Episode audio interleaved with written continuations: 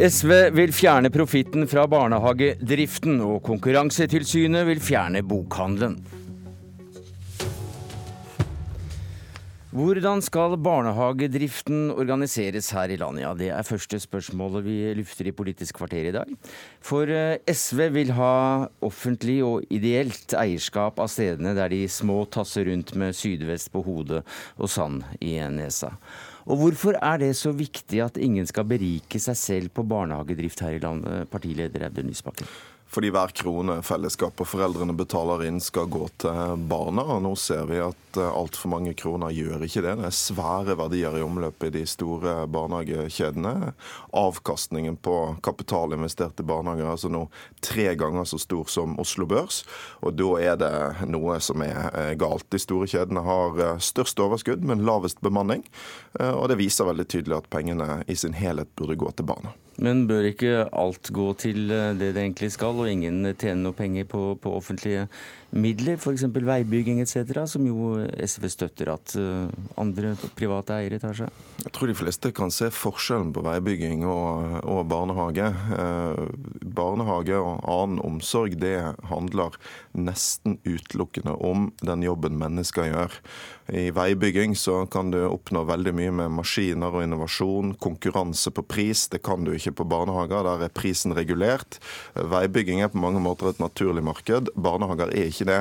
Eh, og Det er jo derfor du kan ha sånn eventyrprofitt i barnehager. Du har eh, full offentlig betaling, regulert pris, og samtidig har du veldig lav risiko.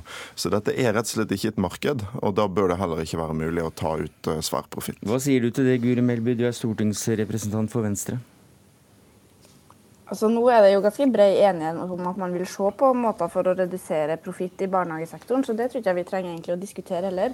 Det som jeg reagerer på, er jo SVs ensidige fokus på eierskap i en tid der vi trenger å snakke om kvaliteten. På 2000-tallet så brukte vi energien på å bygge opp nok barnehageplasser. og Det ryktes vi med, og da bidro både private og kommunale. Og De aller, aller fleste norske barnehager er gode.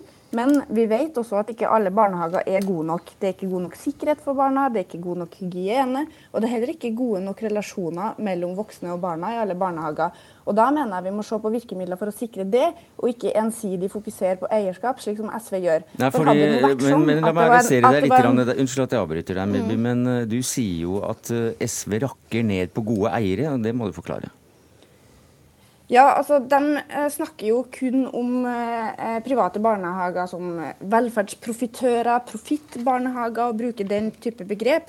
Mens alle som både har barn i en privat barnehage og som har vært og besøkt en private barnehage, ser at de aller fleste private barnehager er på samme måte som offentlige, opptatt av å gi ungene et godt tilbud. Det er dyktige ansatte, flinke fagfolk eh, som bryr seg om kvaliteten. Og Mange av dem opplever faktisk at de blir tråkka på hver gang noen definerer dem som velferdsprofitører. Men vi heller bør snakke om alle som har lyst til å bidra til å lage et godt velferdstilbud, som velferdsinnovatører. Mm. Og da synes jeg vi skal snakke om hvilke krav er det vi skal stille til dem på kvalitet, sånn som vi nå har gjort med bemanningsnorm. Så jeg synes det Er kjempebra. Er det andre krav vi også bør stille for å sikre kvalitet? Som da kanskje gjør at de ikke kan hente ut et like stort overskudd heller, fordi at de er nødt til å bruke pengene på det som betyr noe for mm. barna. Men, Men det bør være fokus, ikke bare på eh, eierskap. Men det er jo helt feil at vi har rokket ned på private barnehager. Tvert imot så har vi vært de private små barnehagenes beste venn, og det er dette Venstre aldri gjør. De snakker om private barnehager, mens den reelle debatten går om vi skal ha kommersielle barnehager. Det er noe annet. Vi er for private barnehager, vi. Private barnehager som driver ut fra en idé, private barnehager som ønsker å skape et best mulig tilbud, og som har det som sin grunnleggende idé. Vi er bare mot at det skal tas ut eventyrlig profitt av barnehagene. Og jeg Nei, tror at ansatte i Men la, la, la, meg bare fullføre. Nei, det, men, Nei, meg full... ja, men nå hadde jeg ordet. Nå hadde jeg, Guri Melby, nå hadde jeg ordet. Kan jeg bare fullføre, så får du ordet igjen av programlederen. sant? Ja, det hører jeg. Det kan alle høre. Men, men poenget er at sant, når ansatte i kommersielle barnehager streiker, sånn som de gjorde i Bergen i fjor, da støttet vi de. Jeg tror alle vet at vi eh, hyller jobben som gjøres også i de kommersielle barnehagene. Og veldig veldig mange av de er gode, nettopp fordi det er flotte ansatte som jobber der. Men det er jo ingen unnskyldning for at penger skal forsvinne ut i kjempeprofitter til eierne. De pengene kunne vært brukt bedre på barnehagene. Melby, du sitter i Ålesund og sitter på linje her, men kom igjen. ja. Ja, altså Det finnes ingen sammenheng mellom eierskap og kvalitet. Det bekrefter forskning, det bekrefter foreldreundersøkelser, det bekrefter til og med barnehagene sjøl. Eh, også de ideelle sier at det er ikke sånn at vi nødvendigvis er bedre enn de kommersielle. Eh, så hvis du er opptatt av kvalitet, så er det et feilspor å se på hvem som eier det. Da må vi se på innholdet i barnehagen, ikke på navnet på dem som eier det. Og Ungene bryr seg jo ikke om det er Espira eller Norlandia eller Canvas som er, som er eier. Vi ser jo at den barnehagen som ble kåra til den beste private, er en Norlandia-barnehage i Oslo. En stor kjede. Skistua barnehage i Oslo er den som har lengst venteliste. Men pga. SVs politikk så får ikke de lov til å etablere nye barnehager, f.eks. i Oslo øst, for de har jo sagt nei til videre private barnehager. Og SV sier at de er på lag med de private. men da vi hadde en felles merknad eh, i en sak som SV hadde lagt fram om at de private barnehagene utgjorde et viktig bidrag eh, i barnehagefloraen, så ville ikke SV engang være med på den merknaden. Mm. Så det å si at SV ikke stempler disse barnehagene negativt, men, men, det er rett og slett feil. Men, men det, er, det, er, bare med respekt å melde tull. Hvis du kan finne ufattelig latterlig mange sitater fra meg og andre sfære som hyller private barnehager. de små private barnehageeierne blir jo skvist i dag av de store kjedene, og det er det som er problemet. Det vi er at, det, det, det vi ser er jo at uh, de store kjedene de tar ut mest penger, de har samtidig lavest bemanning. Altså, er klart at Bemanning er et kvalitetsspørsmål. og Når vi snakker om kvalitet i barnehagene, altså det faller åpenbart på sin egen urimelighet å anklage SV for ikke å ha vært opptatt av det. Vi var de som drev fram barnehagereformen. Vi var de som i regjering først fikk gjennomslag for vedtak om bemanningsnormer. Og vi er de som jobber nå for mm. å utvikle bemanningsnormen videre, sånn at du f.eks. skal ha krav til fagarbeidere også, eh, sånn at du eh, ikke har så mange ufaglærte som i dag. Og Der ser vi også at det er stor forskjell på de kommersielle og de andre barnehagene. Melby, eh, hvordan vil Venstre heve kvaliteten i barnehagene?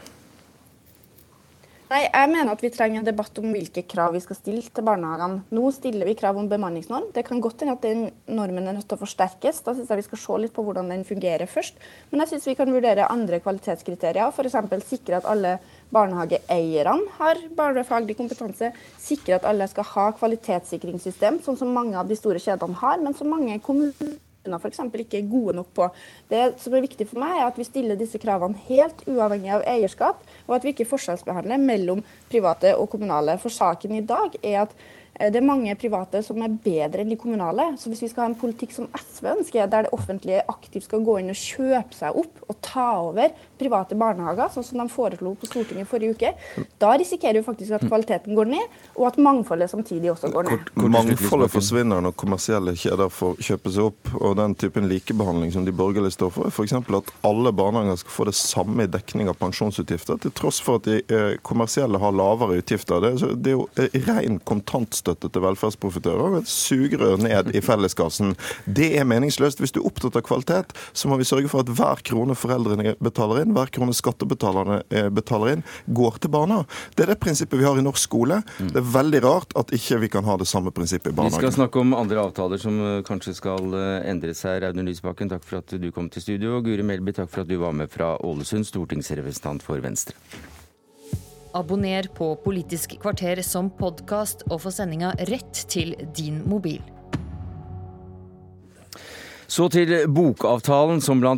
gir oss en eh, tidsbegrenset fastpris på bøker, og som eh, dermed er unntatt konkurranseloven. Dette skal være til gode for eh, hele bransjen, men bøkene blir jo da litt dyrere i en periode. Avtalen skulle sikre bredden i både bokutgivelser og bokomsetning her i landet, men nå bør den skrotes. Det mener du som konkurransedirektør Lars Sørgaard. Hvorfor det? Altså Vi er som du sier, skeptiske til denne bokavtalen. Skeptisk? Du er veldig imot? Ja, vi, ønsker, vi, ønsker, å skrote bokavtalen. Nå er den oppe til uh, mulig fornyelse. Vi mener den ikke bør fornyes. Vårt poeng er at, dette, at den skal fornyes hvis den blir fornyet. Det er dårlig nytt for norske bokkunder. Det går ut på eh, at tilgjengeligheten blir dårligere, og det går ut på at prisene blir høyere. Så dette er uheldig for bokkunder. Vi ønsker jo mye boklesing i landet, og det, dette vil bidra til mindre boklesing. Kan Men, jeg ta to eksempler på det? Ja, jeg kan bare stille et spørsmål til først. For denne bokavtalen den, den er jo også ment at bestselgerne skal på en måte subsidiere smalere litteratur. Men det tror ikke du mye på? Nei, Hele ideen er som du sier, at bestselgerne skal være ganske dyre, og dermed skal vi finansiere smal litteratur. Hvis vi ser på hva som faktisk har skjedd i bl.a. Danmark, som har et frislepp på bøker, så har det ikke gått utover mangfoldet. De har eh, fri prissetting, og like mange utgivelser etter frisleppet som før.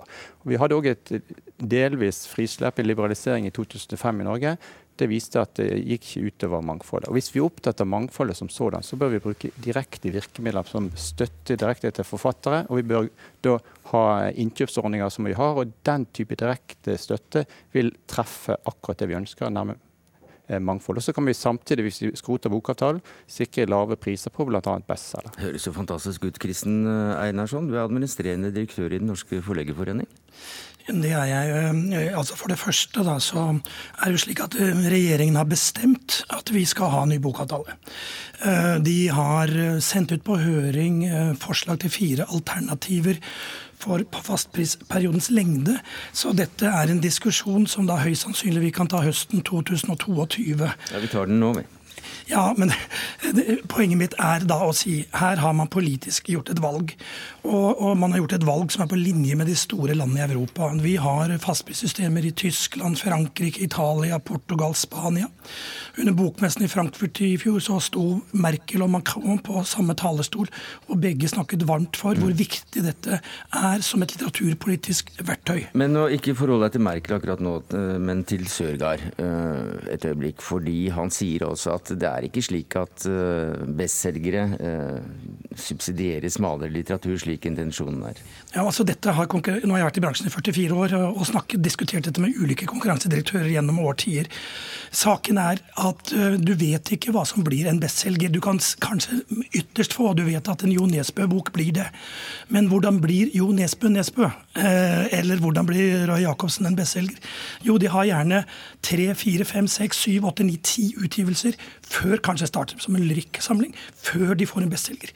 Dette er det som skjer. Det er denne dyrkingen av litteraturen som man gis et handlingsrom i Norge gjennom summen mm. av virkemidlene. Og, og fastpris er ett et ja, element. Men, men la, meg, la, meg, ta et eksempel på hva som er problematisk, og veldig problematisk akkurat nå når vi går inn i mer digitale verden.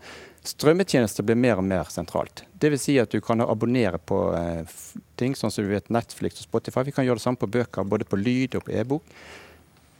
Bokavtalen vil bety at ny norsk litteratur ikke er tilgjengelig på strømmetjeneste. Det er veldig dårlig nytt for norske bokkunder, og det er òg en dårlig idé for norske forfattere. For da er ikke de tilgjengelige på den plattformen som vokser mest fremover. Så det, det å låse oss nå i fire år til og at vi ikke skal være tilgjengelige på den plattformen som er mest viktig i de nærmeste fire årene. Det er en rar måte å, å ha forutsigbarhet på. Einarsson, Einarsson Nei, men så, Her tar jo konkurransedirektøren også feil. Altså Han tar feil i hvis han tror at regjeringen nå kommer til å endre bokavtalen. og Han tar feil på dette.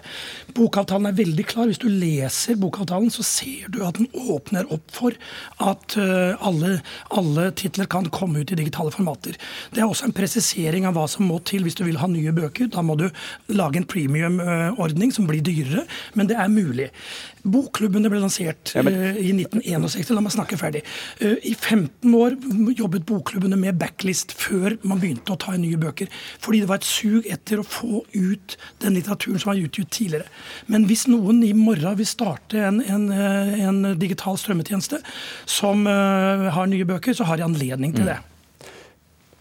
Det er helt riktig at det, du kan utgi e-bok, kan utgi en lydbok, men problemet er at prisingen med en fastpris per bok, slik det er nå lagt opp til, så er det umulig å da ha en ordning der du kan ha en strømtjeneste. For det er en helt annen prismodell. Problemet er at du, løser, du, løser bran, du, du låser bransjen til én bestemt prismodell. Den prismodellen ikke tilpasset den nye digitale virkelighet. På en måte hele bokbransjeavtalen er, bokavtalen er gått ut på dato, og vi trenger da å tenke nytt og åpne opp sånn at forlagene og bokhandlerne kan da i større grad kunne konkurrere fritt på dette. Jeg er veldig glad for at når Konkurransetilsynet jobber med konkurransespørsmål, så er de veldig faktaorientert og veldig grundige i det arbeidet de gjør. Når de er kulturpolitikere, så er de litt løsere i snippen. Dette er jo ikke korrekt. Du kan, eh, med Bokavtalen er dynamisk. Vi Løpende i avtaleperioden så drøfter partene hvis det kommer nye problemstillinger opp. Så gjør vi endringer i form av tillitsprotokoller. Takk skal eh, du ha, Kristen Einarsson, administrerende direktør i Den norske eh, forleggerforeningen, og til Lars Søgaard, som da er prisdirektør. Det var det vi rakk i Politisk kvarter i dag. Jeg heter Sverre Tom Rade. Etter Dagsnytt fortsetter Nyhetsmorgen.